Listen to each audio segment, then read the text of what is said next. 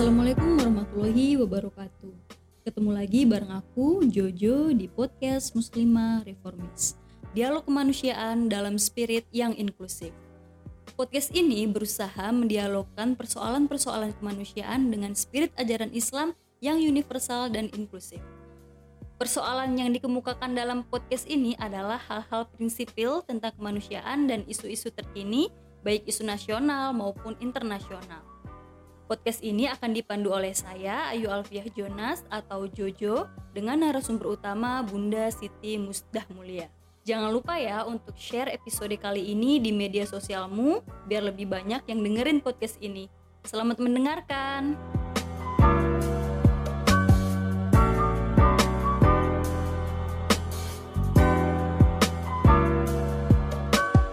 sekarang kita udah beralih ke tema yang berbeda dengan yang sebelumnya. Tiga episode sebelumnya kita membahas soal pendidikan. Sekarang kita sapa dulu nih Bunda Muslim mulianya ya.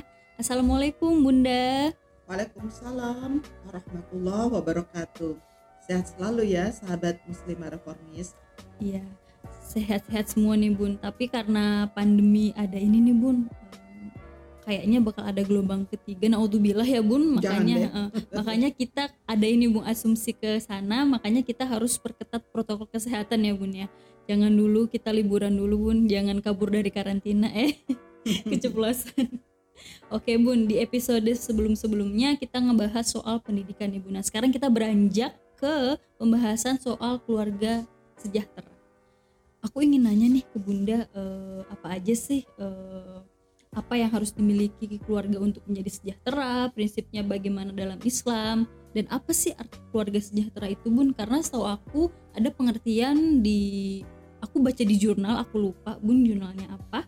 Dia bilang bahwa keluarga sejahtera itu keluarga yang tidak miskin. Cuma aku tidak uh, mengambil pengertian itu bun. Nah aku mengambil pengertian bahwa keluarga sejahtera itu di dalamnya ada peningkatan kualitas keluarga yang memperhatikan rasa harmonis individu dalam keluarga gitu bun.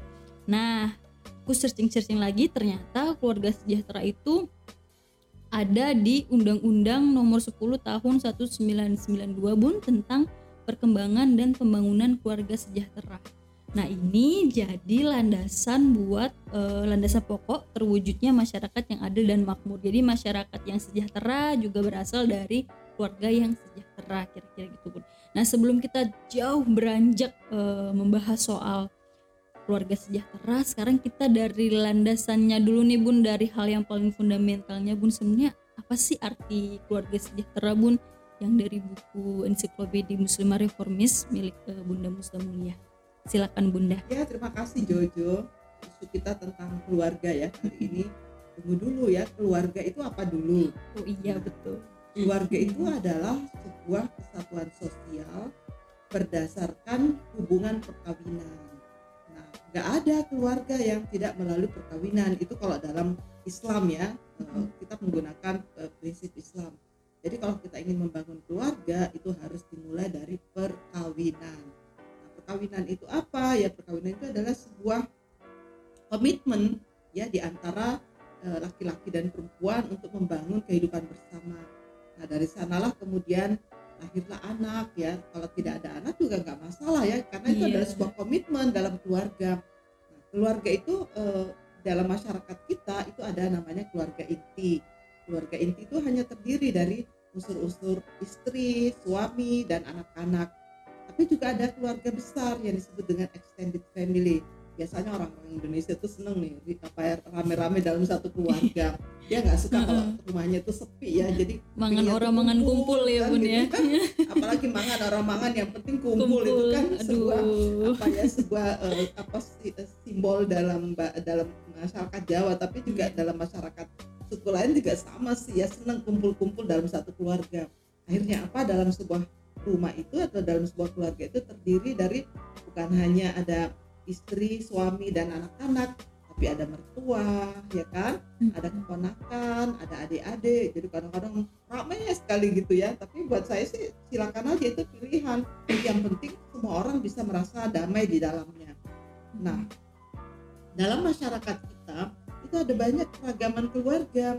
Jadi ada yang keluarga nih terdiri dari hmm, hanya orang tua saja apa orang tua satu orang tua ya yang disebut dengan single parent Oh, kenapa iya. karena mereka berpisah atau salah satu pasangannya itu meninggal ya disertai anak atau atau satu anak atau lebih. Nah dalam masyarakat kita banyak banget yang single parent ini tapi kebanyakan kalau kita bicara single parent dalam masyarakat kita itu adalah biasanya ibu. Karena suaminya ada yang meninggal ada yang kabur ya ada yang tidak bertanggung jawab. Nah begitulah yang terjadi dalam masyarakat kita. Karena itu mari kita melihat ya secara jujur eh, seperti apa nih eh, masyarakat kita kondisi-kondisi keluarga dalam masyarakat. Mm-mm. karena itu bicara tentang keluarga itu bicara tentang keberagaman bentuk ya keluarga. Mm-mm. jadi kita lihat dulu ada beragam bentuk keluarga.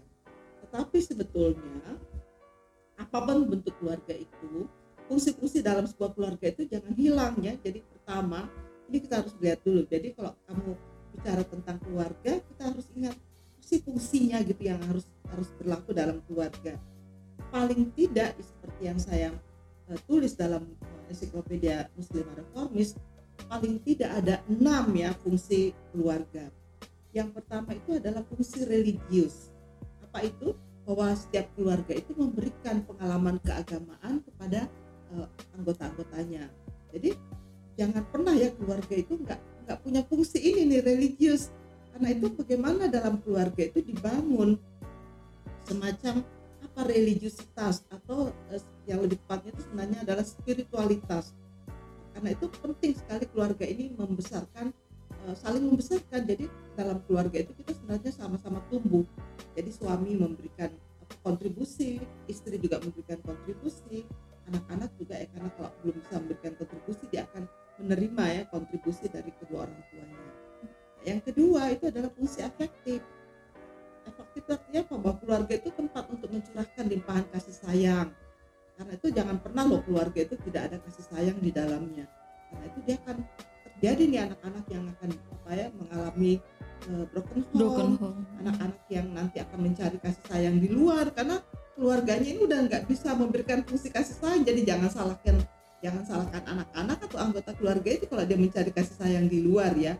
Karena seharusnya ya seharusnya semua anggota keluarga itu mendapatkan atau menerima limpahan kasih sayang itu di dalam keluarga itu. Itulah gunanya kita membentuk keluarga. Yang ketiga itu adalah fungsi sosial. Keluarga seharusnya menjadi wadah yang memberikan prestis dan status kepada semua anggotanya. Jadi di dalam keluarga itu kita punya fungsi sosial ya diajarkan bahwa oh sebagai eh, apa kamu nanti kalau dalam masyarakat itu ada seperti ini ya. Kamu sebagai pemimpin kamu sebagai yang dipimpin itu tapi tidak harus kamu yang memimpin kamu apa menginjak-injak yang dipimpin. No ya. Jadi Hmm. karena itu diajarkan bagaimana fungsi sosial di dalam keluarga. Nah yang keempat ini juga penting fungsi edukatif. Nah keluarga adalah institusi pertama dan utama yang memberikan pendidikan pada anggota-anggotanya karena itu bagaimana lah tapi sayangnya dalam masyarakat kita bagaimana dia akan memberikan pendidikan? Wong wong pimpinan keluarganya saja tidak berpendidikan ya enggak? Karena itu penting penting sekali sekali sebelum kalian menikah Mm-mm. membentuk keluarga bekalilah dulu dirimu dengan sejumlah bekal pendidikan yang yang memadai sebenarnya gini ya bun maksudnya berpendidikan tuh tidak hanya berpendidikan tinggi gitu tapi mengetahui prinsip-prinsipnya ya bun ya betul Heeh. kayak ibu aku itu cuma lulusan SMA tapi dia paham bagaimana cara mendidik anaknya gitu bun Betul Hmm. ya. Jadi yang dimaksud pendidikan itu adalah kamu mempelajari sejumlah keterampilan ya, mempelajari tentang bagaimana menyu- menyusun gizi yang benar. Jadi laki dan perempuan harus ngerti dong makanan yang bergizi itu apa, hidup yang bers- eh, hidup bersama itu seperti apa, bagaimana mengelola emosi. Karena kalau salah satu nggak bisa mengelola emosi kan berantem terus nih Hmm. nanti nih. bahasa Jadi- anak mudanya ambiar bun rumah itu jadi jadi ribut setiap hari ya kan Iya. jadi mana ada kedamaian nah ini yang penting juga nomor lima fungsi protektif jadi keluarga itu saling melindungi jadi istri melindungi suami suami melindungi istri keduanya itu melindungi anak-anaknya. Kalau anak-anaknya sudah besar anak-anaknya akan melindungi orang tuanya yang sudah lansia. Jadi saling melindungi di antara anggota-anggota keluarganya. Dari Hmm. apa? Dari berbagai ancaman fisik ekonomi dan psikososial. Ya kan? Jadi jadi kalau keluarga ini benar-benar protektif mereka akan terhindar ya dari segala macam godaan apa? Narkoba godaan apa? Minuman keras pergaulan-pergaulan yang tidak diharapkan kan itulah gunanya nih keluarga terus protektif. Nah yang terakhir nah ini penting sekali juga fungsi rekreatif. Bahwa keluarga itu merupakan wadah rekreasi bagi seluruh anggotanya. Apa maksudnya? Kalau kita ke pulang ke rumah tuh rasanya adem gitu kan? Kita merasa di rumah itu kok rasanya ya santai dan nyaman gitu ada perasaan tentrem. Itulah sebabnya kenapa Rasulullah selalu mengatakan baiti jannati rumahku adalah surgaku jadi rumah itu benar-benar tempat untuk merasakan kedamaian ya. Nah merasakan rekreatif itu kan artinya apa? Kita mencari kedamaian mencari ketentraman. Jadi rekreasinya itu bukan di bukan di uh, ujung dunia ya.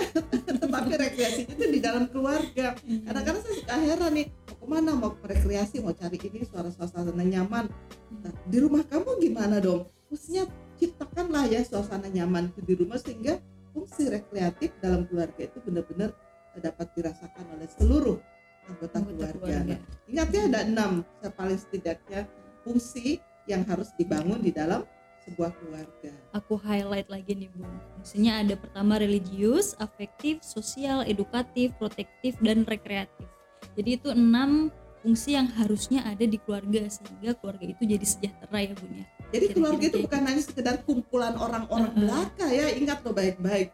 Dan kalau sekedar kumpul ya semua orang bisa ya, tetapi hmm. bagaimana membangun, membuat keluarga itu fungsional. Ini kan harus benar-benar semua orang harus belajar ya.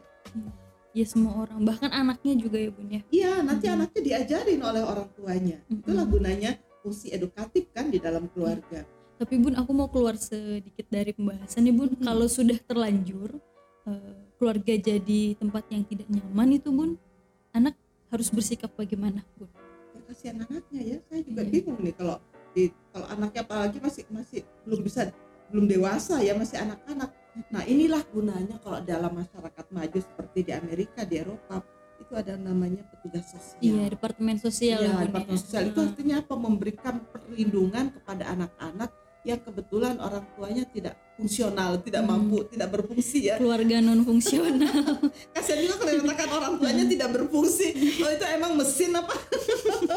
Tapi kenyataannya kan begitu ya. Jadi kalau di beberapa negara maju ya, kalau misalnya uh, ada ada laporan nih orang tuanya ini pemabok atau peminum uh, apa miras atau narkoba atau apa gitu ikut untuk melakukan kekerasan. Nah, anak-anak itu dijemput oleh oleh petugas-petugas dari Kementerian Sosial itu untuk iya. diamankan. Dan itu geraknya cepat ya Bun ya? Cepat sekali. Laporan langsung. Begitu ada laporan hmm. mereka langsung dan mereka itu benar-benar ya Allah ini namanya negara itu betul hadir ya hmm. memberikan uh, perlindungan kepada warga negaranya seharusnya negara yang nggak boleh abai dong dalam tugasnya kan negara kan hadir untuk memberikan perlindungan pada warganya hmm. gitu kan nah di kita kan sedih amat karena ya boro-boro ya kan kalau ada apa-apa ya Allah iya, saya bun. membayangkan anak-anak besar di lingkungan keluarga yang iya. KDRT tidak harmonis ya melihat orang tuanya yang setiap hari KDRT anak-anaknya mau apa ya?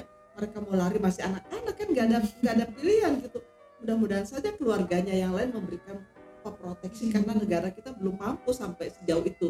Karena kalau di berbagai negara maju ya dananya cukup dan juga kesadaran warganya juga sangat terbantu gitu ya terbangun dengan baik sehingga nggak ada anak-anak yang terlantar, terlantar seperti itu.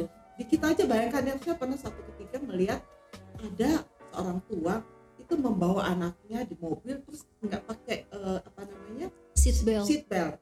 Oh ternyata diturunkan oleh polisi.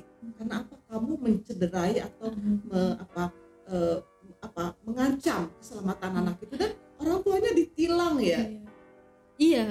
Uh, itu apa namanya melanggar hak hak anak bun betul. Nah ini dia nih yang belum dibangun dalam masyarakat kita ketika kita bicara tentang keluarga.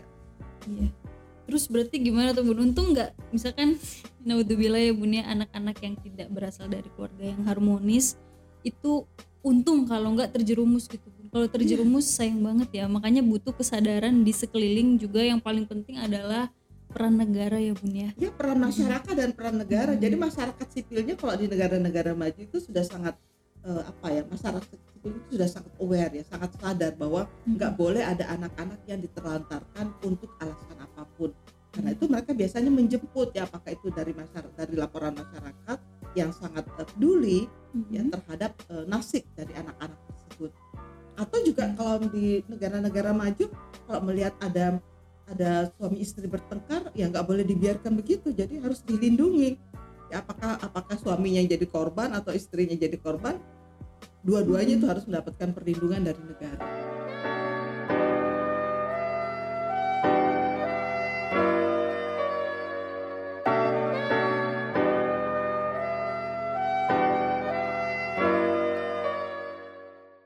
Oke, kita setelah membahas soal keluarga yang sejahtera, bagaimana fungsinya dan apa artinya, kita akan lanjut lagi nih.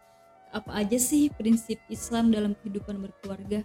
Karena itu akan berpengaruh ya Bun ya ke, oh, iya. ke keadaannya. Ya saya kadang-kadang suka heran ya orang kayak kadang-kadang pingin kawin ya gampang gitu ya laki maupun perempuan tapi belum tahu nih prinsip-prinsip yang harus dijalankan dalam membangun kehidupan berkeluarga karena itu menurut saya nih para milenial ya eh, kalian semua para kaum muda sebelum kalian menikah baca dulu deh atau hayati dulu dengan baik prinsip-prinsip eh, Islam ya di dalam membangun keluarga atau kalian yang beragama lain atau beragama non Muslim silahkan pasti dalam agama maupun kepercayaan kalian itu pasti ada prinsip-prinsip yang sudah dibangun bagaimana caranya membangun kehidupan berkeluarga. Nah, di dalam Islam itu paling tidak dari berbagai ayat yang saya baca paling tidak ada lima ya prinsip dasar Islam dalam membangun kehidupan keluarga. Yang pertama, Islam pertama adalah yang disebut dengan prinsip misalkan goliza. Apa itu? Bahwa perkawinan itu atau keluarga itu adalah sebuah perjanjian yang sangat-sangat kuat. Jadi bukan sekedar perjanjian biasa, ya misalkan goliza. Karena itu keluarga harus dibangun di atas prinsip uh, komitmen yang kuat yang menuntut setiap orang itu terikat di dalamnya agar memenuhi hak dan kewajibannya. Jadi suami ngerti nih hak dan kewajibannya. Jadi jangan lupa ya, hak dan kewajiban uh, suami itu ada. Demikian juga istri tahu dong hak dan kewajibannya. Keduanya nih ya, laki dan perempuan, suami dan istri, ayah dan ibu itu punya hak dan kewajiban masing-masing. Karena itu mari kita kenali hak dan kewajiban masing-masing sehingga nggak saling benturan nih mm-hmm. satu sama lain. Karena kan enak nih kalau dalam semua hal kita tahu hak kita, kita tahu kewajiban kita, nggak usah diinget-ingetin karena kita kan iya. manusia dewasa kan. Jadi anggaplah kita ini sudah manusia dewasa dan manusia yang beradab. Jadi ngerti kalau hak itu hak kamu ya lakukan, itu kewajiban kamu ya lakukan. Kira-kira kayak gitu. Iya, kalau kesadaran udah tumbuh akhirnya kan enak iya, kan nggak usah saling diingatkan lagi yang yang payah nih kalau pura-pura lupa atau bener-bener nggak ngerti nih iya. hak dan kewajibannya karena itu jangan menikah dulu deh kalau, belum tahu hak dan kewajibannya gitu kan. Iya. nah perkawinan dalam Islam selalu dipandang sebagai ikatan suci yang mempunyai dimensi duniawi dan ukhrawi sekaligus. Untuk itu Islam mengatur hak dan kewajiban istri apa suami apa ya serta hubungan mereka dengan keluarga lain sehingga seluruh anggota keluarga itu selamat dari segala bentuk gangguan fisik, seksual, psikis dan merasa tentram, menikmati kesenangan hidup dan cukup terpenuhi kebutuhan-kebutuhan dasarnya dalam bentuk pangan, sandang dan papan. Kan bagus kan kalau orang mengerti hak dan kewajiban masing-masing. Mm-hmm. Nah, yang kedua, eh, prinsipnya disebut dalam Islam itu adalah prinsip mawadah warahmah. Kadang-kadang yang tiga itu ya samawa sakinah, mawadah, warahmah. Apa maksudnya? Bahwa perkawinan itu atau keluarga itu dibentuk dari perasaan mawadah, warahmah. Apa itu perasaan mawadah, warahmah? Itu adalah sebuah sikap psikologis ya yang membuat kita itu me, apa ya, menghargai pasangan, menghargai orang lain secara tulus berdasarkan cinta, cinta yang mendalam ya bukan cinta main-main ya tetapi benar-benar cinta yang tulus dari rasa kemanusiaan yang paling paling dalam. Nah karena itu kan menarik sekali kalau orang dalam berkeluarga itu suami mencintai istrinya, istri mencintai suaminya, dan keduanya mencintai anak-anaknya. Itu dilandasi oleh perasaan apa itu sakinah. Sakinah itu artinya perasaan yang damai. Ya mawadah warahmah itu adalah perasaan yang tulus, kasih sayang yang gak ada batasnya. Kalau saya mm-hmm. mengartikan sakinah mawadah warahmah itu adalah cinta yang tak bertepi. Jadi nggak ada nggak ada ujungnya gitu kan jadi kamu hmm. mencintai suamimu itu bukan karena fisiknya aja, karena tiba-tiba dia cacat atau tiba-tiba dia mengalami penyakit atau tiba-tiba kena penyakit lalu kamu meninggalkan karena udah berubah kan? Nah, nggak boleh kayak gitu. Yang namanya sakinah mawadah warahmah itu adalah cinta yang tak bertepi. Nggak ada ujungnya nggak ada syaratnya ya kan?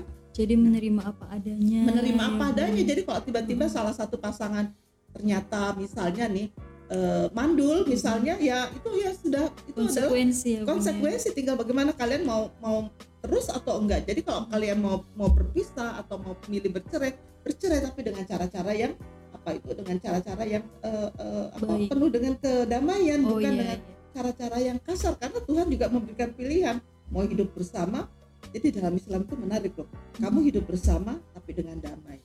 Kamu mau bercerai cerai juga dengan cara-cara yang damai bukan dengan iya. cara-cara yang menyakiti satu sama lain. Ini menarik kalau dalam Islam tuh orang boleh bercerai ya. Tapi tidak berarti kamu boleh melakukan kekerasan. Yang ketiga Islam memandang ya uh, ini yang menarik kalau dalam Islam itu adalah setiap kamu itu adalah pemimpin ya, diajarkan. Jadi uh, ada satu ayat dalam Al-Quran itu kunna libasulakum wa antum libasulahum jadi kalian para suami adalah pakaian buat para istri. Sebaliknya istri juga adalah pakaian buat para suami. Ini ayat ini benar-benar saya itu kalau baca ayat ini luar biasa ya. Al-Quran itu memberikan apa ya posisi untuk suami istri itu luar biasa. Jadi mereka tuh seharusnya tuh saling melindungi gitu maksudnya. Ini prinsip hmm. yang ketiga ini namanya prinsip musawa. Prinsip kesetaraan dan keadilan gender. Luar biasa kan? Jadi nggak yeah. boleh nih ada orang yang mengalami apa ya perlakuan yang tidak nyaman karena apa ya karena fungsi-fungsinya yang berbeda itu tadi kan. Nah, yang keempat itu adalah prinsip muasyarah bil ma'ruf bagaimana kita harus memperlakukan pasangan kita itu dengan cara-cara yang terpuji. Kenapa? Kenapa ini penting? Agar supaya uh, di dalam relasi keluarga itu nggak ada perlakuan kekerasan terutama kekerasan seksualnya. Aduh ini bener-bener. Aduh. aduh muncul di masyarakat itu kadang-kadang saya berpikir ngapain juga ya mereka mau membentuk keluarga kalau akhirnya terjadi yang seperti itu? Menyak, bukan hanya menyakitkan tetapi traumatis ya traumatik menimbulkan traumatik bukan hanya tapi kalau bicara tentang kekerasan ini bukan hanya istri loh yang korban. Saya bertemu dengan beberapa suami dia menjadi korban-korban intimidasi korban kekerasan perlakuan verbalistik ya dari istri dan keluarganya. Wah ngeri juga nih. Ah mengerikan. Betul nah. SSTI ya? Suami-suami takut istri. Itu jadi saya melihat ya Allah ya. Jadi hmm. orang berkeluarga kok bukannya jadi tentram tapi seperti neraka gitu ya padahal tadi kan saya sudah bilang nih hmm. Nabi itu selalu mengatakan baiti jannati ya artinya apa bahwa rumahku itu adalah sorgaku tempat di mana kita mendapatkan ketentraman ya kedamaian karena karena itu mari kita bentuk karena ini bisa kalau Nabi sudah memberikan contoh kenapa kita nggak bisa mencontoh Nabi kan jadi iya. itu loh nah yang kelima tadi kan yang ketiga itu prinsip musawa. Yang keempat itu prinsip muasyarah bil ma'ruf. Bayangkan ya Al-Quran itu menjelaskannya muasyarah. Muasyarah itu kalau orang mengerti bahasa Arab itu artinya kesalingan. Jadi mubadalah gitu kan. Jadi artinya apa? Muasyarah kedua-duanya nih nggak boleh hanya sepihak aja loh. Jadi jangan hanya berharap istri yang memberikan yang terbaik pelayanan terbaik pada suami. Suami pun juga memberikan pelayanan yang terbaik ya untuk istri dan keluarganya hebat kan dalam Islam itu benar-benar ya sifat mubadalah ini di, di apa ya diutamakan nah yang terakhir nih adalah prinsip musyawarah nah, kalau musyawarah ini saya terjemahkan pentingnya ada komunikasi yang hangat, akrab dan intens di dalam keluarga. Karena apa? Karena ini nih yang paling banyak nih yang Jojo yang menimbulkan problem dalam keluarga. Iya. Kebanyakan suami istri itu nggak nggak punya komunikasi yang akrab, hangat dan intens. Jadi kalau ada masalah di apa dicurhatnya itu di Facebook ya kan? Di, di, di WA grup gitu loh. Ini kan mas, ya, padahal itu kan mestinya bisa diselesaikan di antara mereka gitu. Iya. kenapa kok melibatkan orang lain? Jadi akhirnya apa? Jadi persoalan kecil jadi persoalan jadi besar. besar. Padahal berarti bisa nih dengan musyawarah. Jadi dalam Al-Quran itu ada ya wasyawirhum ya bil ma'ruf. Nah, itu dikatakan bermusyawarah lah di antara kamu suami istri dengan apa dengan cara-cara yang damai ada tuh dia dijelaskan dalam Al-Quran Padahal kalau mau udah ada gitu bun ya, tinggal dipraktikkan gitu. Iya, tetapi jauh -jauh. tetapi kok nggak ada komunikasi. Padahal kadang-kadang hmm. saya berpikir, kenapa ya kok orang kok nggak bisa berkomunikasi padahal mereka kan suami istri mereka lebih suka curhat sama orang lain ya kan senangnya curhat di FB juga kadang-kadang kan pikir lo ngapain sih orang ini kok curhatnya di FB emangnya emang bisa menyelesaikan masalah? Enggak juga ya jadi malah membongkar aib keluarga kalau Iya. menurut saya. Jadi kalau saya sih lebih baik ayo deh kita bicara. Jadi suami istri bangunlah komunikasi yang hangat yang intens ya yang akrab di antara kamu. Kalian kan suami istri kenapa kok susah gitu kan? Nah karena itu penting sekali dari awal nih kita membangun komitmen seperti yang tadi saya katakan. Ayo deh bahwa keluarga itu adalah sebuah komitmen suci di mana kedua-duanya ini punya komitmen untuk hidup bersama. Nah kalau memangnya sudah mau udah tidak ingin me- me- berkomitmen lagi ya diselesaikan dengan cara-cara yang baik. Oke sekarang kita duduk bersama. Apa yang kar- karena kita udah lama nggak bisa ber, eh, bisa akur misalnya ya udah kita kita selesaikan aja sampai di sini misalnya tetapi itu juga dengan cara-cara yang damai dengan jalan musyawarah intinya mah harus adem ayem gitu ya Bun ya. Oke Bun, karena terbatas waktu eh, sekian aja ya Bun ya pembicaraan kita soal keluarga sejahtera. Aku mau flashback lagi. Ini Bunda menggarisbawahi lima hal ya. Yang pertama bahwa pernikahan adalah perjanjian yang kuat gitu. Jadi komitmennya harus kuat. Kemudian harus ada eh, samawa ya sakinah mawadah warohmah itu kalau bunda tadi bilangnya sangat indah banget nih kalimatnya eh, bisa buat quote di media sosial cinta yang tak bertepi wah cinta yang tak bertepi wow. Buat orang-orang yang bucin nih buat sahabat-sahabat muslimah yang bucin bisa bikin quote ini di media sosialnya. Kemudian ada prinsip kesetaraan. Kemudian ada prinsip kesalingan gitu. Jadi tidak hanya eh, istri, istri suami. ya suami aja yang memberikan yang terbaik tapi istri juga begitu saling. Nah yang kelima yang paling penting juga itu namanya musyawarah ya bun ya. Nah lima prinsip itu adalah eh, ajaran Islam dalam berkehidupan keluarga oke sekian dulu episode keempat kali ini kita akan lanjut ke episode berikutnya tapi sebelum lanjut teman-teman bisa share podcast ini ke media sosial teman-teman Oke, sekian dari saya. Assalamualaikum warahmatullahi wabarakatuh.